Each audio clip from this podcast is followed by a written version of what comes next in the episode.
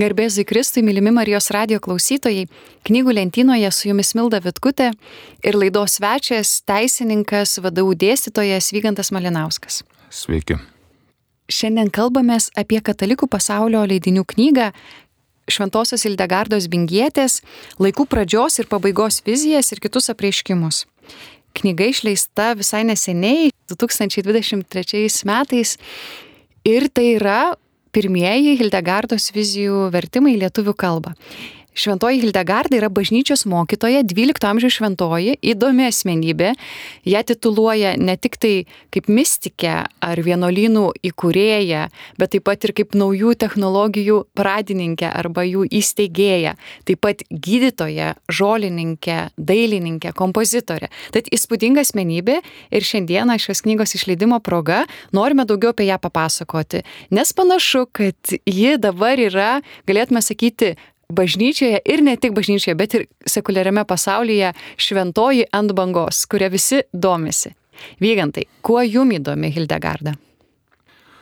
Na, man turbūt iš viso yra įdomus tas laikotarpis, jinai gyveno 12 amžiuje, tai mums lietuviams yra lengviau susiorientuoti, tai kaip pasakai, ten iki karaliaus Mindaugo, po karaliaus Mindaugo, tai jinai dar gyveno tame amžiuje prieš karalių Mindaugą. Lietuva dar tuo metu neturėjo karaliaus ir mes dar iš tikrųjų apie to laikotarpio Lietuvą mažai žinome, dar tik tai mūsų valstybės atsiradimo ar formavimosi laikotarpis tik tai laukia.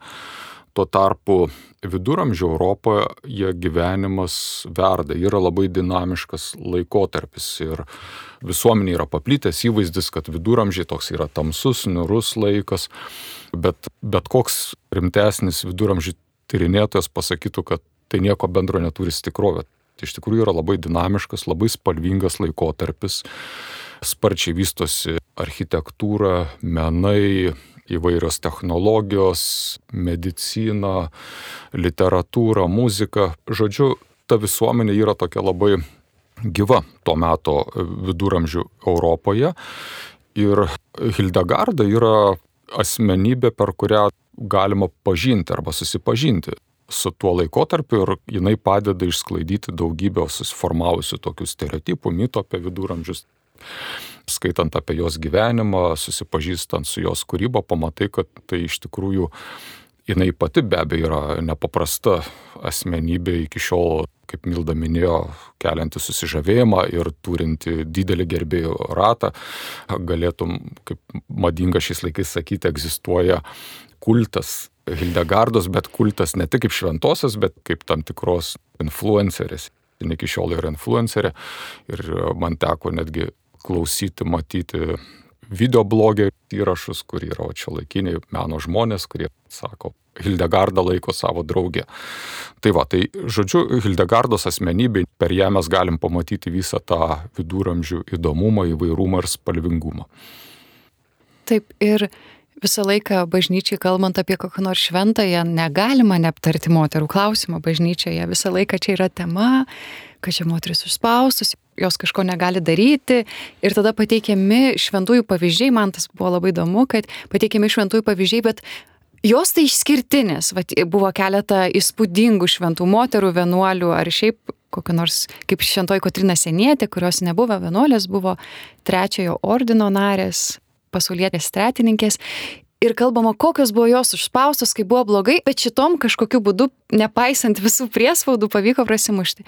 Tai man visai patiko ir skaitant knygos įvadą, šitų vizijų įvadą, galim pamatyti iš įdomių, neįprastų Hildegartos gyvenimo detalių, kad moters gyvenimas nebūtinai turėjo būti ypatingai vargingas dėl to, kad jie yra moteris. Ir ši įspūdinga Hildegardos asmenybė rodo, kad ji turėjo sąlygų lavintis, turėjo sąlygų ne tik praktikuoti savo tikėjimą, bet taip pat ir išsilavinti, kaip šio laikinė prasme sakytume. Tai aš galvoju, kad būtų visai vertinga pradžioje aptarti jos svarbesnės gyvenimo detalės, nes knygos įvadę mes sužinome tokį įdomų faktą, kad būdama maža mergaitė, nujunkita nuo mamos pienų, ji atkeliauja į vienuolyną, ją priema į vienuolyną ne kaip vienuolė, bet buvo įprasta praktika priimti merginas, kad jos galėtų gauti išsilavinimą. Gal pradėčiau šiek tiek nuo pačios vat, knygos struktūros, nes vis tik tai priežastis, kodėl mes čia susirinkom pakalbėti, yra tai, kad katalikų pasaulio leidiniai išleido knygą, kuri yra ir apie Hildegardą, ir kartu yra pačios Hildegardos. Tai kitaip tariant, yra knyga, kuri yra geras įvadas norintiems pažinti šią nepaprastą įdomią asmenybę. Ir knyga turi dvi tokias dalis. Tai viena dalis yra parašyta trumpa Hildegardos biografija, jos gyvenimo pagrindiniai faktai ir ne tik taip trumpai, bet iš tikrųjų būtent tame gyvenamajame jos laikotarpio kontekste. O antroji dalis yra pateikiamos ištraukos iš jos garsiųjų vizijų, nes jinai buvo mystikė, jinai turėjo regėjimus ir tie regėjimai buvo užrašyti ir mes juos galime skaityti ir apmastyti. Tai toj pirmoji daly iš tikrųjų skaitytojas, skaitydama šią knygą, turi progą pamatyti, kokia buvo Hildegarda nepaprasta asmenybė. Ir kaip jau Milda minėjo, tai jos vėlgi gyvenimas prasideda nuo to, kad jinai būdama berot septyniarių metų yra išsiunčiama į vienuolyną. Ir čia dabar gali taip skambėti šio laikiniam žmogui tai baisiai, žiauriai, kad mergaitė išsiuntė į vienuolyną, bet kas yra tuo metu viduramžio Europoje vienuolynai, tai yra tokio šviesos, mokslo, kultūros, meno, iš kur religinio gyvenimo, asmenybės ūkdymo centrai. Ir turtingos šeimos jos siūsdavo tuo metu savo vaikus, lygiai panašiai kaip dabar kokie nors anglų aristokratai savo vaikus siunčia į kokią nors įtono mokyklą tam, kad įgytų visapusišką išsilavinimą ir pirmiausia įgytų formaciją kaip asmo, kaip asmenybė tai Hildegarda ir yra, jos gyvenimas prasideda nuo to, kad jinai patenka į vienuolyną, kur gauna iš tikrųjų gerą ir visapusišką tuometinį išsilavinimą. Reikėtų pridėti truputį paaiškinimą, jeigu kas nežino apie Eitono mokyklą, kad tai yra internatinė mokykla, joje vaikai gyvena. Tai ši praktika pasirodo nėra tokia nauja, kokią mes čia turime šiais laikais. Internatų mokyklų Lietuvoje neturime, ai turime Čiurlionio menų gimnaziją ir neišskirtinę mokyklą, bet štai toks ugdymo modelis yra viduramžiais praktikuojamas. Ir išsilavinimo svarba, suvokimas išsilavinimo svarbos nėra kažkoks naujas dalykas, čia nėra apšvietos vaikas. Pavyzdžiui, skaitant benediktinių istoriją Kaune, Tai jos irgi turėjo mergaičių mokyklą. Ir Lietuvoje, ir Vilniuje daug vienolyjų turėjo savo mokyklas. Tai čia turbūt šiaip įdomi detalė. Man labai patiko vygantai, kad pradžioj sakėt, jog per Hildegardą galima pažinti 12 amžiaus Europą, viduramžius, kurie mums pristatomi kaip tamusus. Tai čia tokia įdomi detalė, norėsiu pakcentuoti. O taip, ir čia būtų galima klausytojams pasakyti, ko yra tas 12 amžius įdomus arba kuo jis yra išskirtinis. Paprastai, kai mes sakom viduramžiai, bet reikia nepamiršti, kad viduramžiai tai tūkstantis metų yra ir per tą tūkstantį metų ne visk, nėra sąstingis, nestovi vietoje visuomenė, kultūra, mokslas, technologijos, bet vystosi ir Europą vienai atrodo ten ankstyvaisiais viduramžiais, kokie tarkim būtų 700 metai arba 800 ir jau 12 amžius jau ateinami tuos brandžiosius viduramžius, kas tai yra, tai yra universitetų kūrimos ir įsitvirtinimo laikotarpis. Jau yra daugiau kaip šimtą metų Europoje veikia universitetai ir Europoje vyksta intensyvus visuomeninis, kultūrinis dvasinis gyvenimas ir Europoje egzistuoja toks reiškinys, kurį moderniais laikais mes vadiname akademiniu mobilumu. Mūsų laikais akademinis mobilumas, tai kaip koks nors iš vienos šalies universiteto dėstytojas atvyksta dėstyti į kitą universitetą, tai tuo metu Europoje tas vyksta. Ir nėra visiškai Hildegardos amžininkas, yra jaunesnis, bet nedaug yra Tomas Akvinėtis, tai čia tik tai pavyzdys suprasti, koks yra laikas. Tomas Akvinėtis gimsta Italijoje, nuvažiuoja studijuoti į Paryžių, tada išvažiuoja dėstyti į Kielną Vokietijoje, tada vėl toliau grįžta dėstyti į Italiją. Žodžiu, nu, vat pavyzdys, tai mūsų laikais būtų įspūdinga akademinė karjera. Tai Hildegardos ta visa aplinka nėra kažkokia sustabarėjusi ar taip toliau, bet tuo metinio visuomenė yra labai žingeidė ir jinai domisi viskuo ir tėvai stengiasi vaikus tam paruošti ir vienuolino mokyklos buvo viena iš būdų priemonių, kaip vaikam duoti tą pradinį, dar ne universitetinį, bet tokį pakankamai gerą tuo metu išsilavinimą. Taip, nes tuo metu egzistavo ne tik tai vienuolynų mokyklos, taip pat katedrų mokyklos. Ir kaip sakoma šios knygos įvade apie Hildegardą, kad panašu, jog įsilavinimo lygis tiek vienuolynų žinoma, priklausomai nuo vienuolyno, tiek katedrų mokyklai buvo panašus, visgi visuomenės akise katedrų mokyklos buvo laikomos aukštesnėmis. Bet, sako, stebėdami Hildegardos gyvenimą, mes matom, kad jos įsilavinimas buvo gana neblogas iš to, kokia ji buvo asmenybė. Kaip ji rašė, kaip mąstė, kokius darbus dirbo. Galėtume sakyti, gal tiksliau, kokius tyrimus atliko, kokiuose srityse jie intensyviai tyrinėjo. Na, čia iš tikrųjų dar būtų galima paminėti, kad Hildegardos laiku atsiranda modernus mokslas.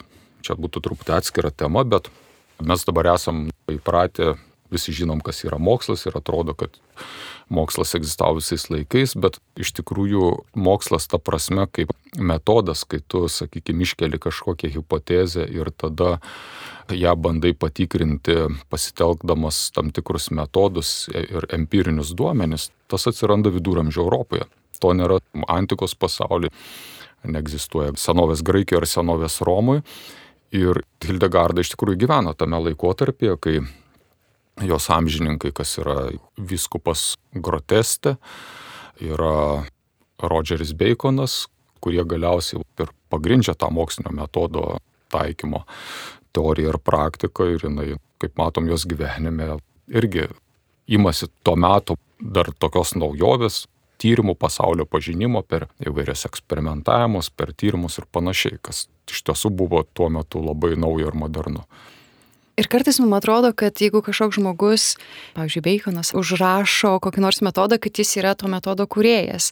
Bet iš tikrųjų mes žinom, kad vienuolynai po vakarų Romos imperijos žlugimo jie buvo, galėtume sakyti, šviesos ir mokslo centrai ne tik ta prasme, kad juose išliko bibliotekos, vienuoliai perrašinio knygas ir mokėsi studijavo, bet taip pat ir įvairios inovacijos vystėsi vienuolynuose vienuolynų reikėjo išsilaikyti. Vienuolynas yra kaip koks atskiras miestas valstybė, vos ne taip su savo sienom, su savo infrastruktūra, savo išvystytą žemdirbystę, tai turi gal kažkokį savo malūną.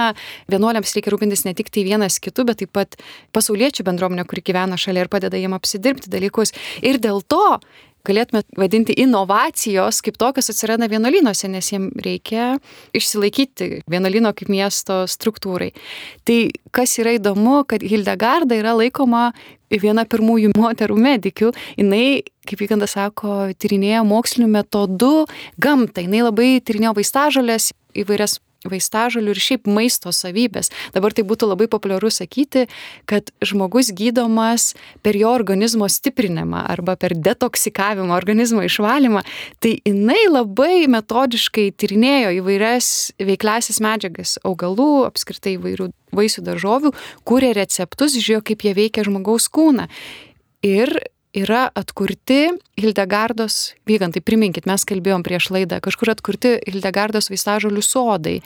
Tai aš manyčiau, kad kadangi neprašė ir yra išlikę aprašymai tų vat, vaistinių augalų savybių ir, ir vienuolynai, be kitų dalykų, nu, ten būdavo toks kompleksinis ūkis arba savočiai net toks kaip ir mažas miestas, kur ten būdavo ir mokykla, ir biblioteka, ir bažnyčia, ir ūkis, ir ekonomika, ir taip pat ir ligoninė būdavo, ir vaistažolių sodai arba daržai. Tai man teko Belgijoje matyti irgi vieno vienuolino grįvėsiuose, dabar užkrito jo pavadinimas, jau pats vienuolinas yra apgriuvęs, bet tie grįvėsiai yra pakankamai įspūdingi, gerai išlikę ir toj vietoj, kur kadaise buvo vienuolino tas vaistinių augalų sodas, tai pagal Hildegardos aprašymus jisai yra atkurtas ir, kiek žinau, šio laikiniai irgi vaistažulininkai, vaistininkai labai mielai remiasi jos surinktais duomenimis, aprašytais ir jie na, nepraradė aktualumo iki mūsų dienų. Taip, tai čia turbūt dar norisi pakcentuoti, kad mes žiūrime ne tik tai Hildegardą, kaip sakėt, vykandai mes pažįstame 12 amžiaus Europą, taip pat vienuolinį gyvenimą ir truputį gal praskleidžiam tą šydą, ką reiškia būti vienuoliu. Vienuoliu reiškia ne tik daug melsis ir studijuoti, bet taip pat ir dirbti, tyrinėti. Vienuolinis gyvenimas galėtume sakyti, labai universalus, reikia įvairiapusiškai domėtis, būti išsilavinus įvairiose srityse dirbti, nes vienuolynas kaip toks turi pats išsilaikyti.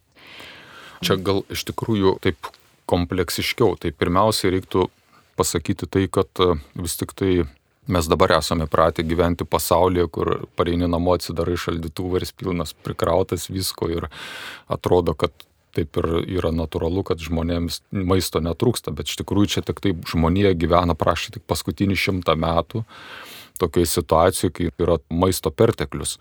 Senais laikais iš tikrųjų žmonės turėdavo sunkiai dirbti tam, kad pirmiausiai tą maistą užsiaugintų ar jį pagamintų ir kad sukauptų kažkokias atsargas ir jo nuolat būdavo trūkumas.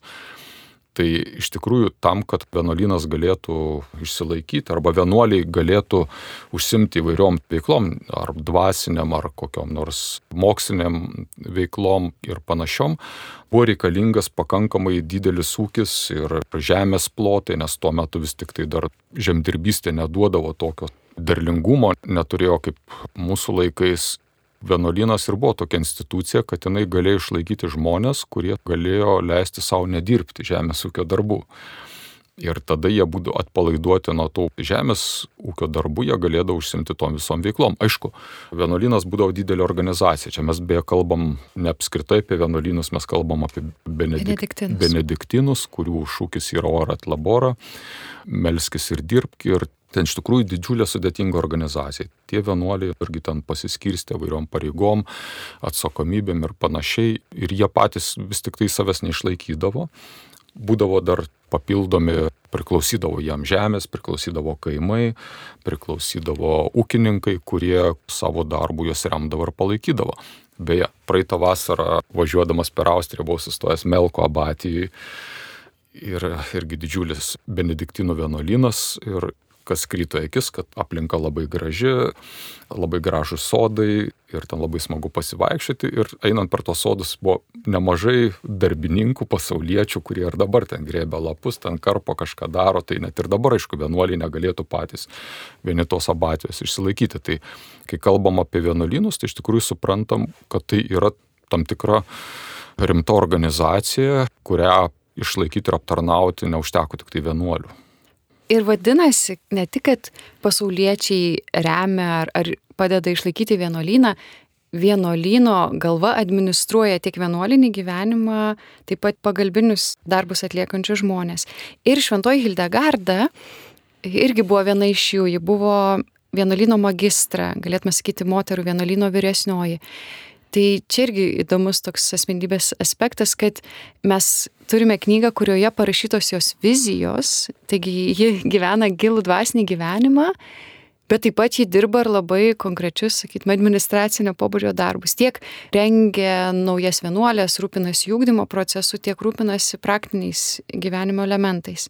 Mes pradėjome nuo to, kad septyniarių metų Hildegarda patenka į vienuolyną, bandėm pristatyti, kas tai yra tas vienuolynas, koks tas vienuolinis gyvenimas, kiek jame įvairių gyvenimo aspektų susitinka, nesi atskirtas nuo pasaulio. Mums gali atrodyti, kad vienuolynė tarsi tu užaugi nedekvačioje aplinkoje ir tarsi išėjęs į platų pasaulį jo nepažintum. Verda gyvenimas kaip ir visur kitur, bet dėl vienuolyno pobūdžio, kad nu, jo tikslas iš tikrųjų vienuoliam ne tik tai dirbti, bet ir melstis, mėgsti ryšį su Dievu ir kitus palydėti, jame yra labai gilus dvasinis aspektas. Tad galvoju, jog dabar būtų galima prieiti prie vizijų, kurias šiandieną mes ir turbūt labiausiai norėtume aptarti, ne tik tai pačią Hildegardą, bet konkrečiai jos vizijas. Gal porą žodžių apie pačias vizijas. Tai Hildegarda, jinai yra garsi ir žymi ne tik kaip savo metų tokia labai plačių interesų moteris ir moderni moteris savo laiku buvo labai moderni moteris ir iki šiol yra labai moderni. Kaip minėjau, iš tikrųjų yra toks, kaip pasakyti, sekėjų pasaulyje ir jos gerbėjų galima rasti labai įvairiose sferose, nuo žolininkų, farmacininkų iki menininkų, iki šio laikinių medijų pasaulyje irgi teko susidurti su dideliais Hildegardos gerbėjais. Bet jin taip pirmiausia turbūt ir kas svarbiausia jos gyvenime yra tai, kad jin buvo mystikė. Ir mystikė, nu kaip ir kiekvienas mystikas, yra mystikas. Mystikas yra tas, kuris turi ypatingą Dievo patirtį, kuriam Dievas pasirodo kažkokiu neįprastu būdu ar per vizijas, ar per privačius apsireiškimus.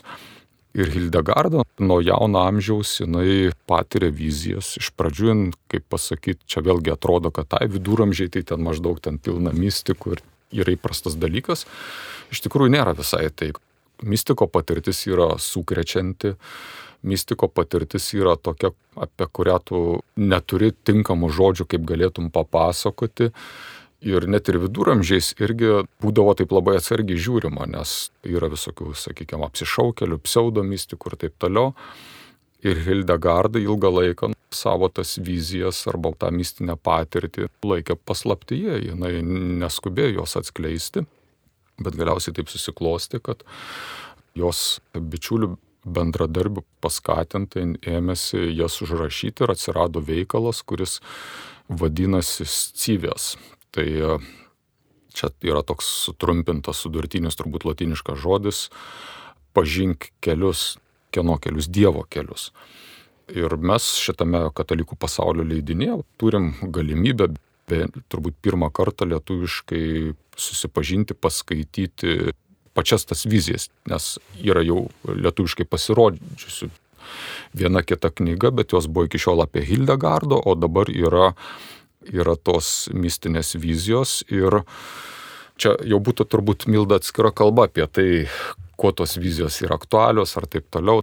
Viena vertus, aišku, šio laikinį žmogų, nepaisant kokiais moderniais laikais gyventume, mums traukia. Įdomu, tas anas pasaulis, kaip ir langas yra, o kas ten, nes daugelis iš mūsų nesame mystikai, bent jau ta prasme, kokia yra tie žmonės, kurie Dievo, sakykime, išskirti ir išrinkti, bet mums visiems yra labai įdomu ir yra proga lietuvių skaitytojų pasižiūrėti į tą Dievo pasaulį per tą langą, kurį mums atidaro šiek tiek Hildegardos vizijos aprašytos. Knyga pateikia iš tikrųjų tik iš to didelio scivės veikalo keletą. Ir ten tos vizijos apima įvairius tikėjimo ir laikotarpius, ir aspektus. Ir čia yra įdėta, toj knygui pateikiama yra antroji vizija apie pirmą angelą ir pirmą žmogaus nuopolį ir yra viena iš paskutinių vizijų apie paskutinius dalykus, bet jos mums, kaip minėjau pačioj pradžioj, yra galimybė ne tik skaityti apie Hildegardą lietuviškai, bet dabar jau galima skaityti ir pačią Hildegardą. Tai nežinau, turbūt būtų tokios pirmos mintis, o čia toliau būtų galima pakalbėti, o kaip jas tas vizijas reikia skaityti ir ką ten iš jų galima gauti. Man dar norėtųsi pridėti, kad kol aš pati neperskaičiau pirmųjų mistinių veikalų, atrodydavo, kad žmonės, kurie patiria mistinius regėjimus, yra mažiau konkretūs, mažiau praktiški, na, liaudiškai tariant, truputį paplaukę, nu, tu turi būti kažkokio kitokio tipožo asmenybė, kad patirtum štai tokius regėjimus. Ir visą laiką atrodydavo, kad čia pridengta tokio balansavimo tarp psichinės sveikatos ir nesveikatos kad čia kažkokio tokio pobūdžio asmenybės, tokios ribinės. Ir man pačiai buvo labai įdomu, kai buvo paprašyta įskaityti šventosios Faustinos laiškus ir regėjimus. Ir teko daugiau susipažinti su jie ir tiesiog paskaityti jos pačios dienoraštį, taip pat laiškus. Ir supratau, kad ji buvo labai konkreti, praktiška, tiesia kalbė asmenybė. Šiaip šventoji Faustina buvo žinoma kaip gera vyrėja, Tai visiškai praktinio pasaulio moteris ir štai patiria tokius gilius dvasinius išgyvenimus, patirti viešpaties atsiverimą jai. Šventoji Hildegarda irgi panaši situacija, turbūt sakytume panašus tipažas, moteris, kuri yra labai konkreti, tiesi, nu niekaip nesubijotum jos psichinė sveikata ar būklė, nelaikytum jos kažkokią ribinę asmenybę, ji patiria vizijas Bet žinodama kitų įtarumą, kaip sakėt, vygantai, jie apie jas nekalba. Ir čia įdomus aspektas šios knygos pradžioje. Biografijoje kalbama, kad tuo metu 12 amžius yra e, intensyvus erezijų subujojimo amžius ir įvairius privačius apreiškimus žiūrima ypatingai įtariai. O dėl to, kad kokie nors katarai ir šiaip visos tokios manicheistinės erezijos, kurios tuo metu plito Europoje, juose šventikėmis arba tokiuose religinėse pigose šventiko vietas leisdavo užimti moterim, tai moteriai mystikiai, žinot, šitą tendenciją buvo ypatingai sunku kalbėti apie savo mistinės patirtis. aš galvoju ne tik dėl to, kad ji gali susilaukti įtarumo iš išorės, iš įvairių bažnyčios hierarchų, bet taip pat ir pačiai. Tai irgi yra klausimas, kaip žinoti, ką aš čia patiriu, kaip tai perteikti. Tai tai yra toks Visgi tas aspektas, kur man vis atrodydavo, kad jeigu žmogus patiria vizijas, jis yra kažkokia ribinė asmenybė, tai iš vienos pusės būtų galima tai priimti, nes ši patirtis neturi ekvivalentų niekur kitur tu negali dėti jos į jokius kitus salčiukus iš savo gyvenimo patirties, nežinai, kaip apie tai kalbėti, kas tai yra, kaip tai vardinti. Iš vienos pusės, iš kitos pusės, tu greičiausiai patiri labai stiprų tikrumą, kad čia yra tikra, čia aš neišsigalvoju, čia gal nėra mano sapnai, nežinau, kažkokie žaizdos kyla, aš įsiteikinėjau. Fantazijos. Fantazijos, taip. Tai čia turbūt tas toks man įdomus aspektas, kad labai įdomu, kad šventieji yra tikri dėl savo vizijų, jie yra tikri dėl to, ką patiria. Tai iš tikrųjų čia tie vizijos arba regėjimai, jeigu tave aplanko, tai yra aišku, kad čia nėra kažkoks ten sapnas ar taip toliau turbūt, bet tik tai tas, kuris aplanko, va, tai gali tą patirtį turėti, patirties negali komunikuoti tarkim, kaip mes kiekvienas galim turėti kažkokį išgyvenimą, bet mes tą išgyvenimą negalim perduoti kitam, kad ir kitas tą patį išgyventų. Tu tik taip gali bandyti jį atpasakoti kažkokiais žodžiais, perteikti vaizdiniais. Ir tai leidžia, sakykime, taip kažkiek kitaip pažvelgti, bet tai nėra toks iki galo aišku. Šiaip Hildegardos atvejs yra įdomus tai, kad jinai savo vizijas ne tik aprašė ir jinai matė tam tikrus vaizdinius, ne tik aprašė tuos vaizdinius, jin taip pat ir juos pakomentavo, nes tarkim yra, kaip rašo, kad mato gilų ežerą ir iš to ežero iškyla kažkoks tamsus debesis ir tas debesis ten vėl, sakykime, užgožė ten žvaigždės ar kažką, tai tokį paskaitai apie ką čia yra, ar ne? Tai Hildegarda jinai iš pradžio aprašo tai, ką mato, paskui pakomentuoja. Ir va, tos vizijos yra jos iš tikrųjų su komentarais. Dar kita įdomybė yra tai, kad jinai net ir dailininkui liepia nupiešti. Yra jos nurodymų pieštų jos vizijų iliustracijos yra išlikę. Tai čia irgi toks mistiniam pasauliu nedažnas reiškinys. Žinom, kad Faustina irgi galistingoje Jėzos paveikslą paprašė nutapyti. Bet sakyčiau, kad šitoj vietoj, kas man yra įdomu ir kuo tos vizijos galėtų būti žmogui, šio laikiniam tikinčiam žmogui įdomios ir aktualios, tai yra ne ta prasme, kad tu ją paskaitę sužinosi kažką, kažkokias to bus paslaptis ar kažkokie gauti atsakymai. Taip, paslapties šydas yra praskleidžiamas, bet jos daug labiau yra, aš taip galvojau, kaip apie jas būtų galima apibūdinti, man tai turbūt kaip toks muzikinis kūrinys, kur, sakykime, padeda suprasti mūsų tikėjimo spalvingumą, įvairumą, to Dievo pasaulio sudėtingumą ir grožį ir tai, kas vyksta, kad tai yra daugybė ligmenų ir daugybė aspektų, nes dažnai mes savo tikėjime linkę viską supaprastinti. O tos vizijos jos maitina arba stimuliuoja mūsų religinį jausmą ir religinę vaizduotę.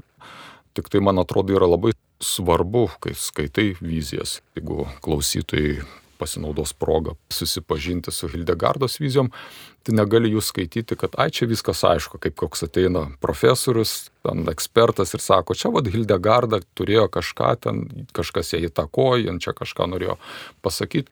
Ne, tu iki galo skaitydamas vizijas nežinosi, kas tai yra, bet vėlgi vizijos jos gali kiekvienam iš mūsų surezonuoti vienokį ar kitokį aspektą. Kai kurie dalykai iš tų vizijų yra tokie labai aiškus ir yra labai praktiški, kai kurie yra mislingi ir paslaptingi, bet aš manau, kad tikrai jas galima skaityti kaip tokią, kaip minėjau, kaip kad einam paklausyti gero kokio nors muzikos kūrinio ir jis vat, mums sužadina tam tikrus dalykus ir paskatina mintis. Tai lygiai taip pat ir tos Hildegardos vizijos, tai yra langas į spalvingą, paslaptingą ir be galo įdomų Dievo pasaulį ir į tai, kaip tas Dievo planas mūsų istorijoje vystosi ir kad ten yra daugybė dalykų, kai kurie dalykai mums yra apreikšti, atverti, bet kai kurie ir toliau lieka iki galo nepažinus, o kai kur, kaip ir pati Hildegarda sako, yra dalykų, kurie mums ir neskirti žinoti.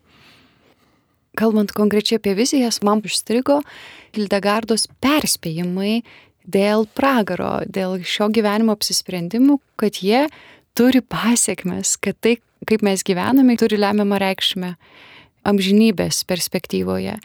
Ir taip pat vėl galvoju apie šventąją Faustiną, kuri irgi perspėja žmonės, kad čia yra svarbus aspektas šios vizijos, kodėl jas užrašinėja. Jos nėra šiaip man kažkas pasirodė malonu, norėčiau pertikti kitiems, šitos vizijos visgi turi kažkokią funkciją. Jos atrodė svarbios užrašyti tiek pačiai Hildegardai, nors iš pradžių, kaip minėjom, jie atsargiai tai žiūrėjo, nenorėjo jų viešinti, bet kunigas, kuris ją paskatino, matė prasme. Tai vienas aspektas, čia nenorim gazdinti radijo laidoje, mėlų klausytojų Marijos radijų, bet ką aš matau iš šventųjų mystikų, kad jie jaučia pareigą perspėti žmonės. Gyvenimas, kurį gyvenate dabar, jis tęsis ir jis yra svarbus. Pragaras nėra tuščias, turbūt tai būtų galima pasakyti. Tai iš viso reikėtų pasakyti, kad tos vizijos nėra mistiko kūryba. Būtent tuot, kaip kas galvoja, kad kažkoks žmogus, kuris ten kaip menininkas ar kompozitorius turi kažkokią savo kūrinio viziją ir ją prašau. Ne, čia mes susidurėm visiškai su kitu dalyku, tai yra vienam Dievui žinomu sprendimu, yra atveriamas langas žmogui Dievo pasaulį ir Dievas nedaro dėl pramogos tų dalykų, Dievas perteikia tai, kas yra svarbu. Ir jeigu paskui tie mystikai, na vėlgi, bažnyčia kalba apie privačius apreiškimus, jie gali būti skirti labai konkrečiam žmogui, asmeniui arba kažkokiam ratui, bet jie gali būti skirti ir platesniai publikai. Ir nuo tai, kad Hildegarda buvo galiausiai paskatinta tom vizijom dalintis, tai irgi turbūt galima sakyti, kad tai yra Dievo plano dalis, kad Dievas ir tokiu būdu veikia žmonių išganimo. Ir kai Milda sakai, kad tas ar Hildegardos atveju, ar Faustinos atveju, čia lygiai taip pat būtų galima paminėti ir Fatimos regėtojus, jam Dievas leidžia ne tik pamatyti gražius dalykus, bet pamatyti ir baisius dalykus. Tai manau, kad visais atvejais čia ir yra Dievo mintis, kad jis tiesiog per tuos mystikus nori mums priminti, kad mūsų gyvenimas yra be galo rimtas ir jis turi pasiekmes milžiniškas arba labai geras arba labai blogas. Ir todėl skaitant tas vizijas mes tą gaunam ne tik protų tikinti žmogus taip, nu, yra pragaras, galbūt ten kažkas tą pragarą patenka, bet visai kitas dalykas, kai tu gauni vaizdinius, iliustracijas, kas tai yra ir tada tas daug labiau paskatina susimastyti ir apmastyti savo gyvenimą ir savo būti šiame pasaulyje ir amžino gyvenimo perspektyvas.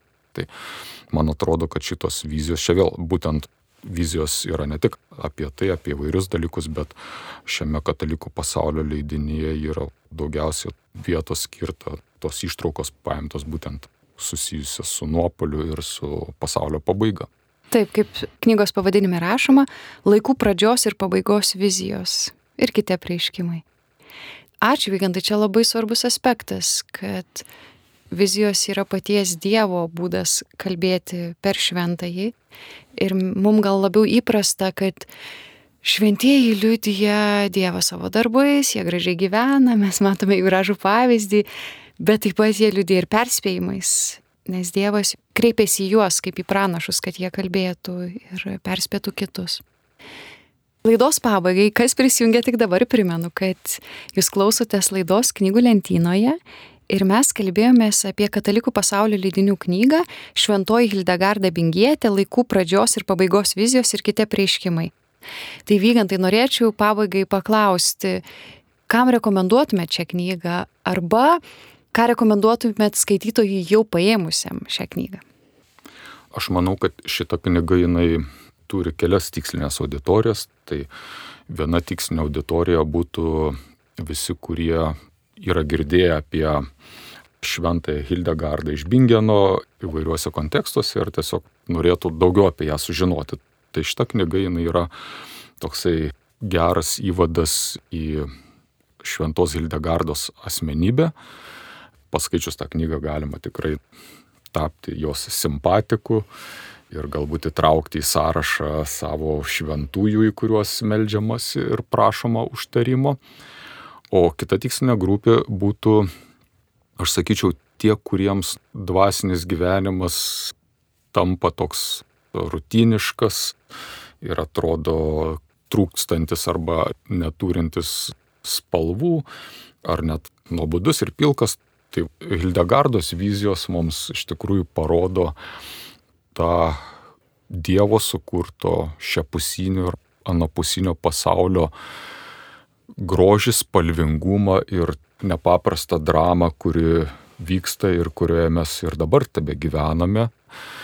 Tai aš sakyčiau, tikrai ta knyga duoda tokio peno maldai, meditacijai, mąstymam, tam, kad galėtumėm gauti tokį savo dvasiniam gyvenimui, ne tik intelektualinį, bet ir emocinį, ir estetinį krūvį, pasakyčiau taip. Kaip minėjot, Vygantai, kad ši knyga labiau ne intelektualiniam penui, bet emociniam ir estetiniam patyrimui, estetiniam tikėjimo patyrimui, kaip sakėt, apie dramą, kuri vyksta anapusiniam ir šiapusiniam pasauliu, tai gal labiau pamatyti ryšį, kad tie pasauliai iš tikrųjų jie visada keliauja kartu. Tai šis aspektas labai svarbus ir pabaigai norėčiau taip pat pasiūlyti klausytojams paklausyti Šventosios Ildegardos Vingietės muzikos. Ji buvo taip pat kompozitorė. Ji gyvena 12 amžiuje. Tai čia gražiosios gotikos periodas. Jau prasideda gražiosios gotikinės katedros. Jos statomos vystosi gražioji skraidančioji gotika su daug šviesų Ir Hildegarda pati, kuri greičiausiai, kaip ir visi benediktinai gėdoja grigališką į choralą, pati išmokusi melsis grigališko į choralu, sukuria savo būdą gėdoti, sukuria vizijas įžodintas muzika, kurios kaip sakėt, vien tai suku dalykus perteikti žodžiais, tai panašu, kad jos muzika irgi buvo kaip ekstatinės patirties įmedžiaginimas šiame pasaulyje. Tad, mylimi Marijos radio klausytojai, džiaugiamės naujai išleista Šventosios Ildegardos Vingietės knyga, tiksliau jos vizijų ir kitų apreiškimų ištraukomis. Siūlom susipažinti su šia asmenybė, tiek su jos biografiniais elementais, su jos įspūdingu gyvenimu, tiek jos mistinė patirtimi. Taip pat muzikus, melomanus raginu paieškoti ir paklausyti jos muzikos. Jūs klausėt laidos knygų lentynoje, kalbėjomės apie knygą Hildegarda Mingietė, laikų pradžios ir pabaigos vizijos ir kiti prieškimai. Su jumis bendravo Milda Vitkutė ir laidos svečias daktaras Vygantas Malinauskas, teisininkas ir teologas, vadovų dėstytojas. Su Dievu. Su Dievu.